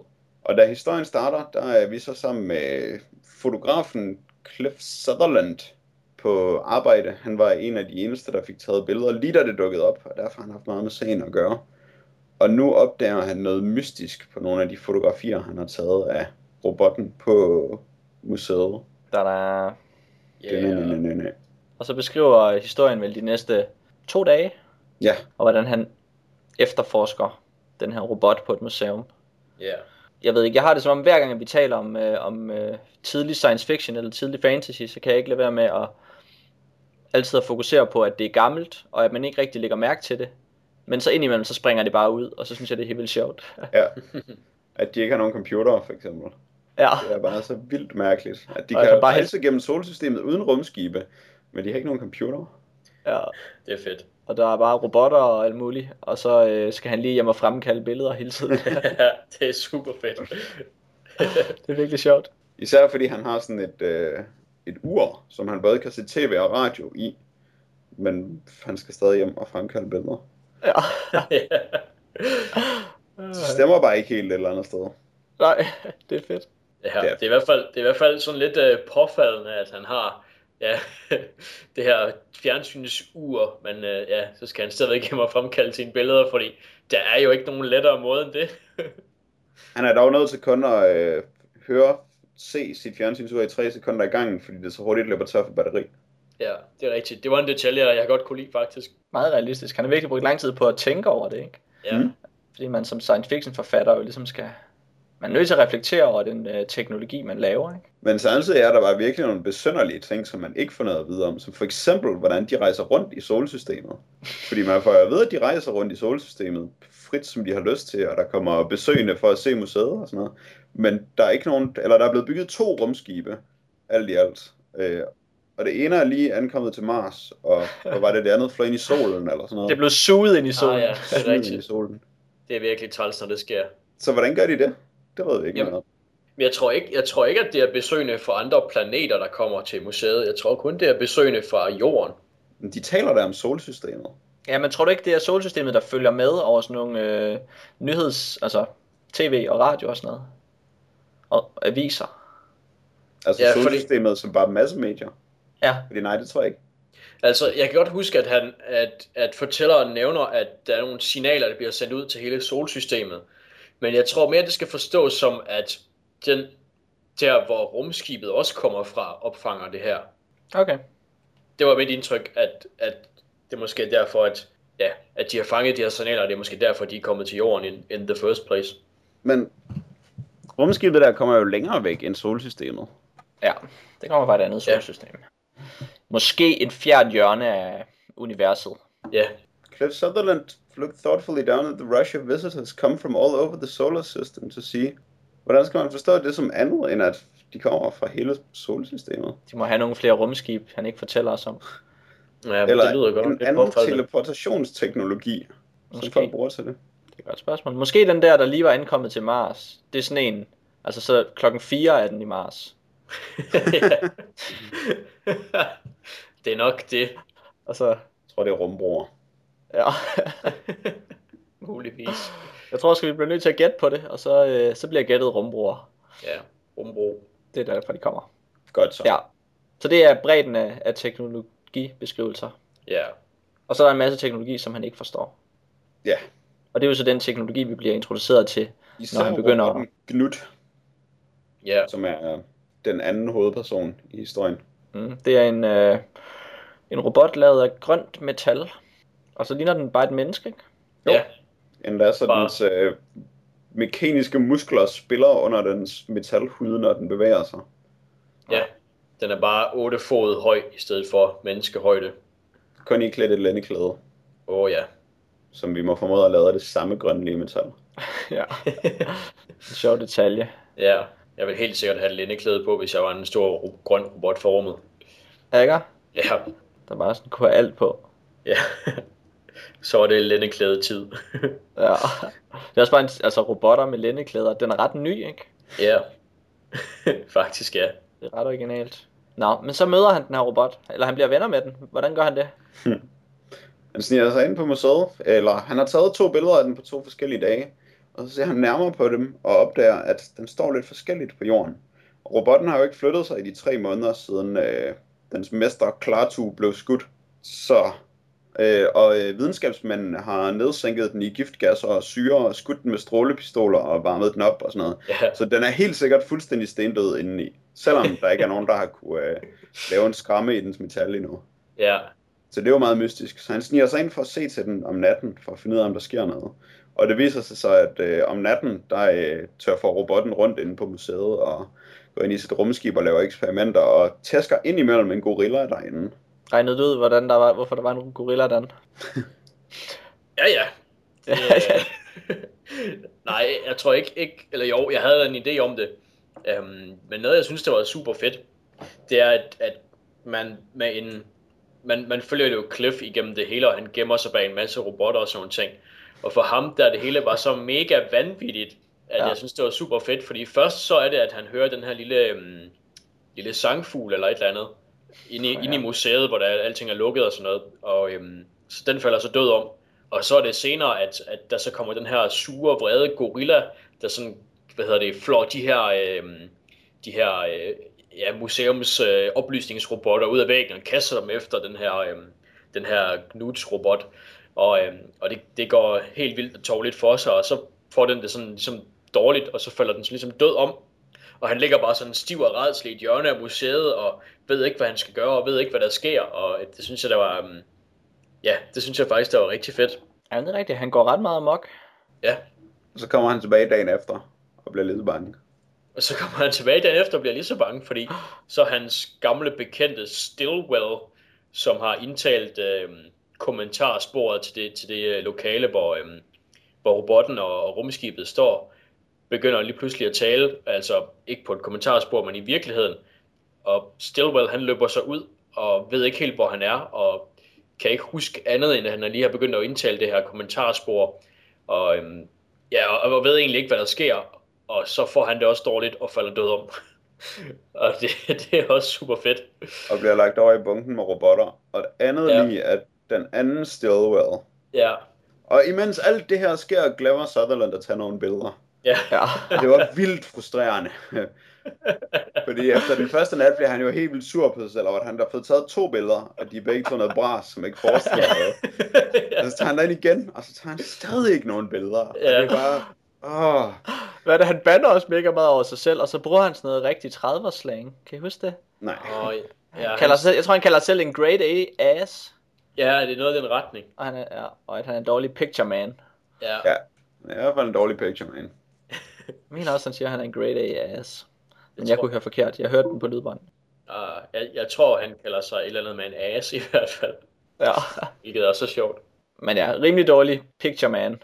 Dårlig ikke- picture, man. Slet ikke tager nogen billeder. Han ligger bare mest og ryster på gulvet og ødelægger sine bukser og kravler så meget. Ja. Og ja, og så gør han det der med, øh, sådan, om natten, så skal han snige sig derind og sidde under sådan et bord, inde ved der, hvor videnskabsmændene prøver at bore sig ind i rumskibet. Fordi det er det eneste sted, vagterne ikke tjekker. Og så når han Ja. skal ud derfra, så gjorde han sådan et eller andet med at binde sine sko rundt om halsen, som lød helt vildt ubehageligt. ja, Mens ja, han skulle snige sig hen til der, det andet bord, han skulle gemme sig bagved, hvor han så kunne sætte sine sko hen over skulderen på en eller anden måde. ja. Det var Ja, i ja, rimelig stedet for- besynderligt proces. Ja, i stedet for bare at ligesom binde snørebåndene sammen og have dem over skulderen, så har han dem rundt om halsen eller et eller andet. Men øh, øh, altså generelt så bruger øh, øh, historien jo ret meget tid på at fortælle, hvordan han kravler rundt. Mm. Um, og, og jeg synes aldrig rigtigt, jeg helt har orienteringen på plads, når han kravler rundt. Ej, jeg synes også, det var fedt. Der var sådan en del passager, som øh, jeg tænkte var meget pulp hvor det virkelig bare var, som om der var fyld. For eksempel er der på et tidspunkt, hvor øh, han fortæller om noget med, hvordan han er kommet ind på museet, og så har han vist sådan en vagt sit pressekort, og så snakker vagten sådan længe om, hvorfor han godt må komme ind, når han har et pressekort, øh, og øh, hvad der kan hvad der er derinde og sådan noget, som der ikke er nogen grund til at forklares, fordi det allerede er blevet forklaret en gang, og så skal det gentages som direkte tale. Ja, og den der uh, Stillwells orienteringstale går jo også sådan i gang på et tidspunkt, og så hører man starten på den, og så siger Cliff, ah, jeg gider ikke lytte til den. Og så lidt senere, så uh, har han opdaget det her med, at der er noget mærkeligt morbånd, og så vil han godt lytte til den, og så får man så hele talen en gang til. Ja. Sådan noget uh, lidt mærkeligt pjat, som det ikke virker som, der er nogen grund til at skal være der. Bortset fra, at han blev betalt per år for det. Ja, og de brystede sig at være det pulp-magasin med flest tegn, ikke? Det ved jeg ikke. Eller, eller det science fiction magasin. Det synes jeg, der var i den der intro, hvis jeg læste okay. den. Okay, det kan jeg ikke engang huske, men det skal nok passe. Det skal nok passe. Ja. Men i hvert fald, der, han blev betalt per år, så... Ja. Ah, ja. Men indimellem er der også noget, der er skrevet godt. Ja, jeg synes, jeg synes, det er, jamen, jeg synes, det er en underholdende historie. Jeg synes, det er rigtig fedt den måde, hvorpå man får fortalt, at, øh, at Klartu, der når lige at præsentere sig selv og sin, sin øh, kompagnon Knut, øh, det er de eneste ord, han når at sige, før han bliver strålet ned af en galning i et træ. øh, det er rigtig fedt at høre om, hvordan at at jorden de tænker, om de må hellere begrave ham med så stor øh, respekt som muligt, hvis der nu var nogen andre, der kiggede med, fordi de vil helst ikke øh, sådan incur nogens wrath, fordi de ved godt, at så er de nok færdige, fordi at, øh, ja, de ved så lidt om den her, de her besøgende, så de har sådan lavet den her utrolig fantastiske bygning, mausoleum ude i, land, øh, ude i vandet, øh, hvor, øh, hvor Klaatu han ligger begravet. Ja, det er fedt, at mennesker ikke er sådan særligt stupide i deres møde ja. med rumvæsener i den her historie. Ja. De kommer sådan i fred, og øh, det lykkes næsten at være fredelig, men så er der en, der er en galning. Ja. Og for eksempel filmudgaven, den er noget mere åndssvag i den der modtagelsesscene. Ja, ja. har lov til at være så fri. jeg, var, jeg var faktisk lidt skuffet over, øh, over filmen i den scene, fordi... Jeg, også i den både, scene. Også i den scene, fordi det er simpelthen så fjollet, hvor, øh, hvor hele hæren er samlet uden for rumskibet, mens de venter på, at der skal ske noget. Og så når døren går op, og øh, Klartu og Knuts, de går ud, så i stedet, de der folk, der sidder i tanksene, i stedet for at være klar med deres tanks, så trækker de deres sidevåben, deres små håndpistoler. Du sidder i en tank! det synes jeg simpelthen, det var så lamt. Ja, den, altså, jeg synes, starten på den film var helt vildt åndssvag. Ja. Også fordi, at de plaffer Klartu ned, men han dør ikke af det, og så er det sådan lidt lige meget, ja. at han blev plaffet ned lige bagefter. Ja. Så det var som, de lige ville, øh, de ville lige forholde sig lidt mere til deres forlæg, men så ville de alligevel overhovedet ikke forholde sig til det. Det var, det var lidt skuffende, når man havde læst historien, synes jeg. Og så er det bare så plat, at han kommer ud og tager sådan en rumlommelygte frem, og så er der en, der bliver bange og kommer til at skyde ham. Mm. Det er virkelig et elendigt plot i forhold til bare at komme ud, og så lave det transdimensionale tegn for fred, som alle forstår og så er alle glade, og så har man sådan en fornuftig kultur med, i stedet for at der bare skal være en eller anden åndssvag tilfældighed, som gør, ja. at det går galt. Ja, det er da vildt sejt det der med, at alle er bare helt vildt pinlige over, åh, oh, så havde vi bare sådan en idiot, som var et menneske, som skød ham. ja. ja som ja. var sådan, ej, ja. Så, så lige pludselig så er man ansvarlig for, øh, for dem, der har det dårligt i samfundet, når man møder en anden, øh, ja. en anden civilisation, ikke? Det er rigtigt, det er rigtigt. Det er fedt. Ja, og det, det spiller film ikke øh, så pokkers meget på. Men øh, hvis vi lige, vi kan eventuelt lige runde øh, den her af, og så kan I lige kommentere på, øh, på filmen. Ja. Og ja, altså jeg synes, det er en ret god novelle, og nu tror jeg, vi har fat i de fleste af de sådan helt fine idéer, måske lige uden at afsløre slutningen. Men, mm. og meget af det, som foregår i den, passer ret godt med, at der kommer twistet til sidst, som så forklarer alt, og så er det fedt for alle. Men den kunne godt nok bare have været så meget mere tight, hvis han ikke havde plapret så meget til tider. Så den kunne være fortalt på den halve plads, og det tror jeg, at den var blevet bedre af. Ja, altså den er, har, den er tre kapitler, hvor jeg synes kapitel 1 holder rimelig godt. Altså, altså i den originale pulp er den i ni kapitler, eller syv eller sådan noget. Øh, okay. syv, syv kapitler, ja. Syv okay. kapitler. Men den version, jeg har øh, hørt den i, og den version, man også kan læse den i umiddelbart, er den i tre kapitler, hvor den første tredjedel, synes jeg, holder rigtig godt, øh, og, så, øh, og så taber den ligesom luften i de andre kapitler, eller de sidste to. Dem, dem skulle man nok have redigeret lidt hårdere. Ja, man kan sige, at midten den hænger måske lidt, fordi der, der går den lidt i tomgang, som, som er det Jack du nævner med, at så er der sådan en, en vagt, der ævler lige lovlig meget. Øhm. Mm. Og, det, og man kan sige, at spændingen er der jo ikke på samme måde, når han først er blevet set og har mødt en kæmpe robot en gang, og taget billeder af robotten uden at blive sur Så anden gang han gør det, så er man ligesom ikke helt, øh, man sidder ikke helt fremme på stolene, når det sker vel. Og så får de så lige kastet en gorilla ind i, øh, ind i The Mix, og så sker der Ja. lidt, men det er Ja. så ikke bare lige, det, det er bare ikke det fedeste at møde i en science fiction historie. Ja, nej, altså jeg har det som gorillaer, at de var vildt fede i 1940. Ja. men men det, det er måske ikke ældet så godt igen. Og når han nu har været der en gang og set, at Knud er flink, hvorfor sidder han så ikke klar med kameraet anden gang? Ja. Simpelthen så tokrummende.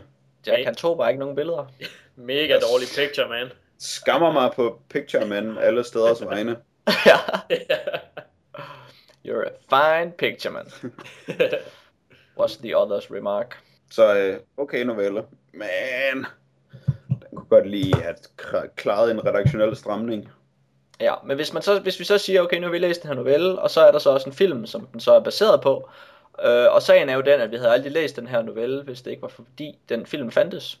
Og det er jo en sjov situation at være i, når man så ja, skal tage stilling til, hvad man synes, der er bedst. Ja.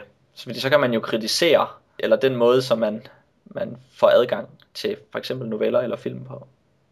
Så hvad, hvad er jeres dom over det? Over hvad? jeg er heller ikke helt med på, hvad du mener. Jeg tror også, jeg har foregrebet jeres dom, og så beskrevet mit spørgsmål ud fra, hvad jeg regner med, I siger. Forvirring der er total. Ja. Nå, okay. Hvad synes I om filmen? Uh, uh, jeg, I var, I var lidt inde på det, men uh, ja. ja. Dan, hvad synes du om filmen? Ja, altså det var øh, det var ikke så godt igen faktisk. Jeg synes at øh, hvad hedder han? Fyren øh, Rennie eller sådan noget der spiller Klaatu. Han var egentlig sej nok, og han havde et, et jeg, jeg kunne godt lide hans udseende som at han skulle være den her øh, fyr fra øh, fra et andet sted. Det var sådan set fedt nok. Men altså den er bare så øh, så typisk for en 50'er film, tænker jeg. Øh, sådan plotmæssigt, og der er den her kvinde, og som han sådan lidt får et crush på, og det er, øhm, ja, vi har været inde på den lidt, lidt fjollede start, eller ret så fjollede start faktisk. Og den er måske bare lidt for, lidt for heavy-handed til at, til at have nogle øh, rigtige, øhm, til at gøre øh, noget rigtig indtryk på mig, efter jeg har læst novellen. Fordi jeg synes, novellens plot er bedre, og der er et fedt twist i novellen, som, som egentlig er, er udeblivende her i, i filmen. Og af en eller anden grund, så, ja, så har de ændret navnet på robotten øh, fra Nut til Gort. Og det er selvfølgelig en meget lille ting, men jeg synes bare, det irriterer mig helt vildt. hvis, det nu er, hvis, hvis det nu var det eneste, så ville det nok ikke gøre så meget. Nej, det vil det nok ikke. Øh, men så har han også øh, Klaatu sin meget moralske tale til sidst, hvilket måske ikke var så utrolig øh, nødvendigt. Jeg tror, jeg vil nok starte med at fremhæve øh, to ting, jeg godt kunne lide ved filmen. Den ene er, at øh, de havde nogle rigtig flotte bogstaver i de der start, startteksten, hvor der står, øh, hvad filmen hedder, og hvem der har lavet den og sådan noget. Og så synes jeg, slutningen på filmen er et sjovt twist på plot-twistet i novellen. Mm-hmm. Det, som han afslører til sidst, hvad Gårds rolle er der. At det på en måde er det samme, som twistet er i novellen, men i en helt anden... Øh, det, altså det er en anden kontekst, og det handler om noget Ja. andet.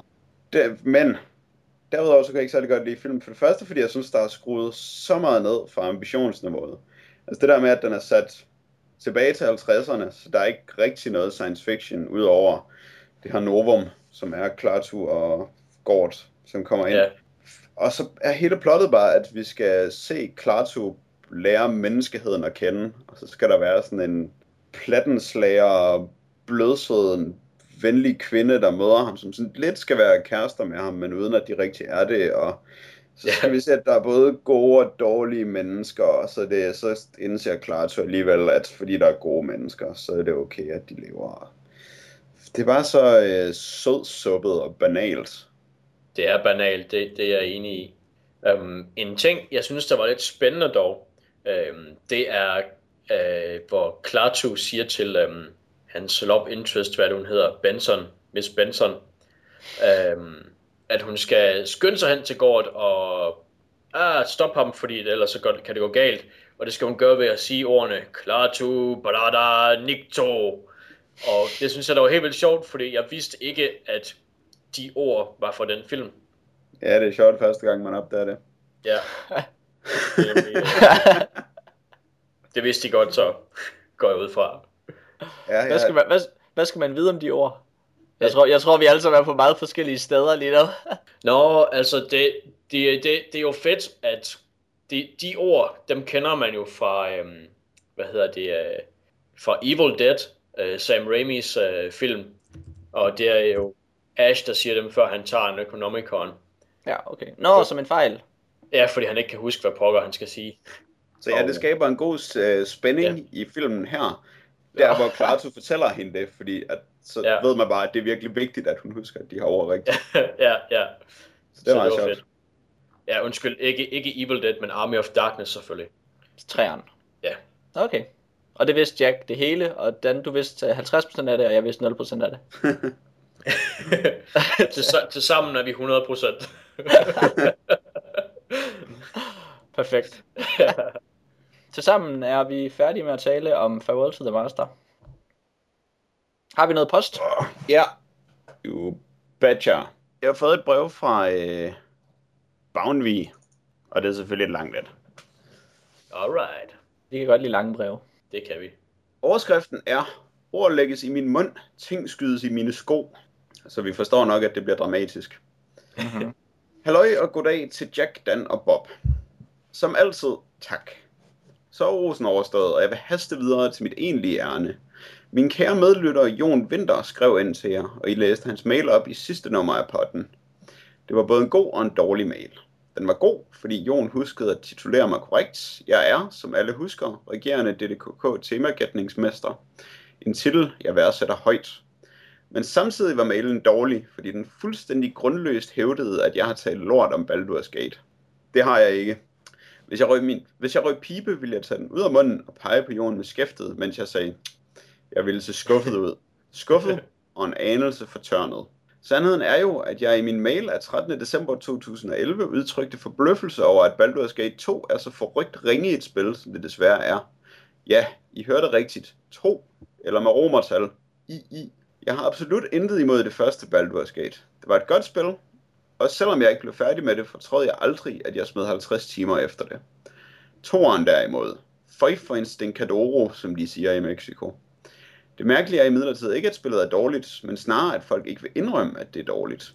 Det er det højst rankede spil på GOG.com, hvilket er dybt bizarre. Her følger en liste over skodagtigheder ved Baldur's Gate 2. Bemærk venligst, at listen er spækket med objektive sandheder. 1.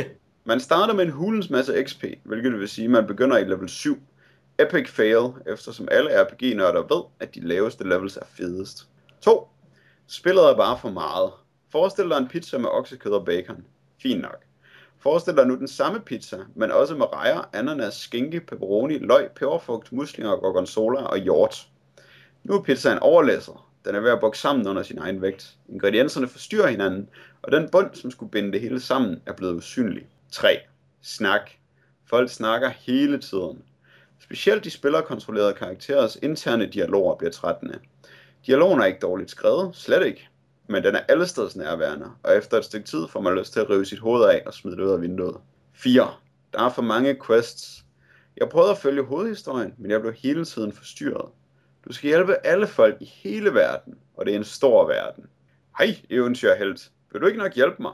Min bror er faldet ind i et bål, og i nat drømte jeg om en magisk ravklump. Nej, svarer du. Ikke nu. Som du kan se, er jeg faktisk på toilettet. Men lige meget hjælper det. Allerede mens du vasker dig i røven, dukker den næste NPC frem med en eller anden ynkelig historie om et forbandet flyt eller en landsby, som lugter. Man bliver så træt, så træt. Det var det. Eller det var det jo så ikke. For nu er der efterhånden snakket så meget om spillet, at I er nødt til at anmelde det. Det glæder jeg mig til. Dog ikke så meget, som jeg glæder mig til anmeldelsen af første Mosebog. 10, det bliver fedt. Ha' det godt, Christian Bavnvig. tak for det. Ja, tak.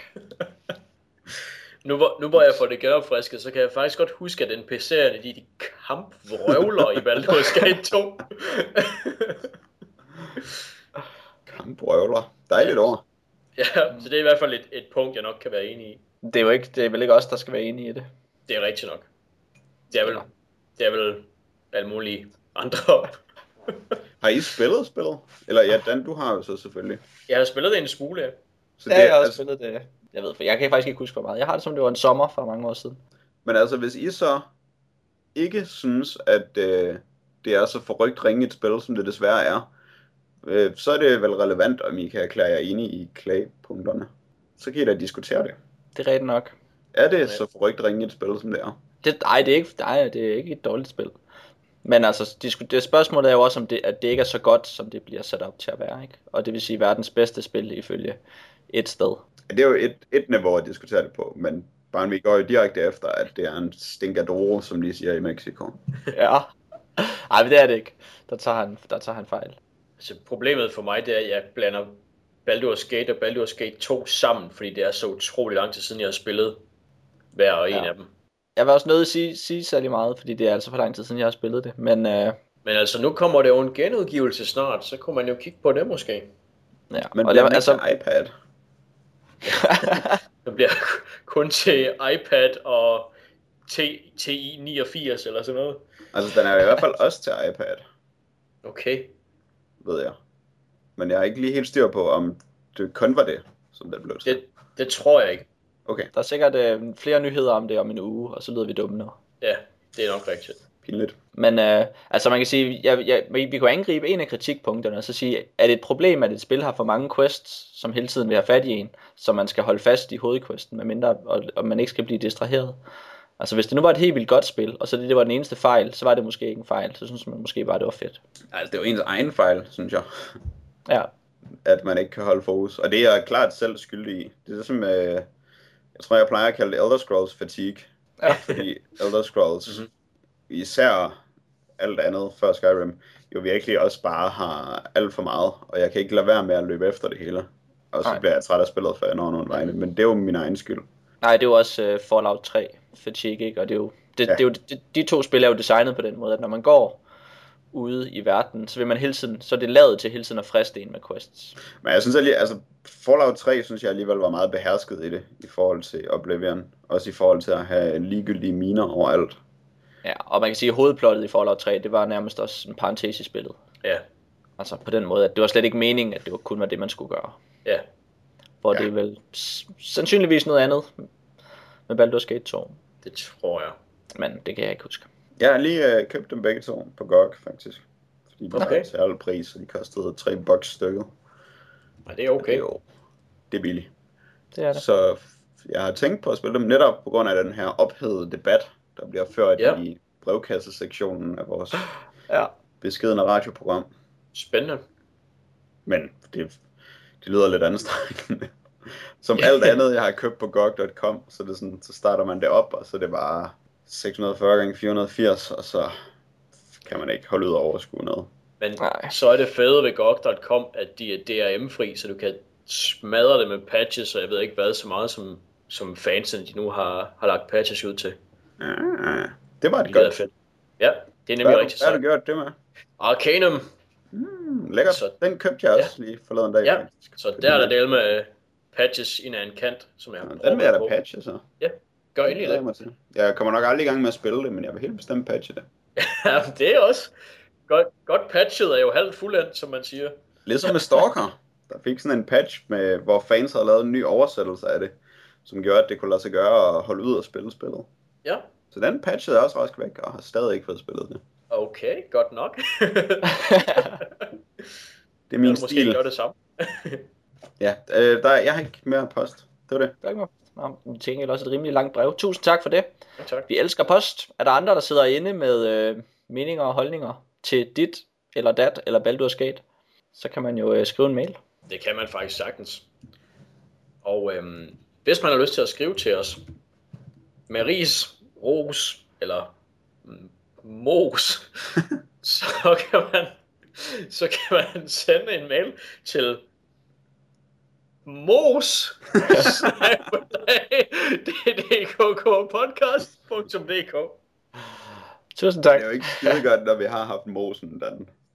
Ah, øh, I den forbindelse skal vi også lige uh, sige, at Bounty han har faktisk sendt den her uh, både til podcasten og til min personlige mail, fordi han ikke kunne huske, hvad den nyeste e-mail var, der også var. Men alle de gamle e-mails, du er altså stadig. så man skal ikke være bange for at sende til dem. Man kan sige, at Lukas han havde skrevet sin e-mail til folboldsdanmark.ddkkpodcast.dk så den virker altså også. Så øh, man behøver ikke være helt vildt bange for at skrive til den forkerte mail, så længe den er at ddkkpodcast.dk, så tror jeg, det går. Eller det er en af de der syv ord, vi har valgt fra. Ja. Ja, der er sådan nogle syv mysterieord, som vi selvfølgelig... Dem får vi ikke. Ja, dem får vi ikke. Vi bliver sendt til det hvide hus. Nå, det var vores Ja. lytteafsnit. Hvad synes I om det? Det var hyggeligt. Jeg synes, øh, det var totalt lækkert at få alle brevene om ting, folk synes, vi skulle læse. Det kunne jeg godt lide. Ægger? Sådan nogle anbefalinger.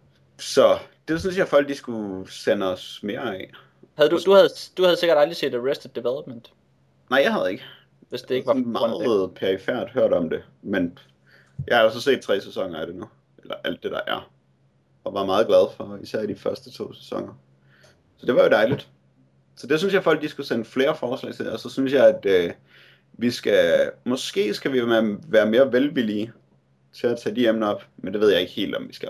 Ej, det er spørgsmål. Det er også altid lidt et, øh, en udfordring at få det til at hænge sammen, fordi vi skal have forskellige typer indhold til hver øh, Det er afsnit. klart.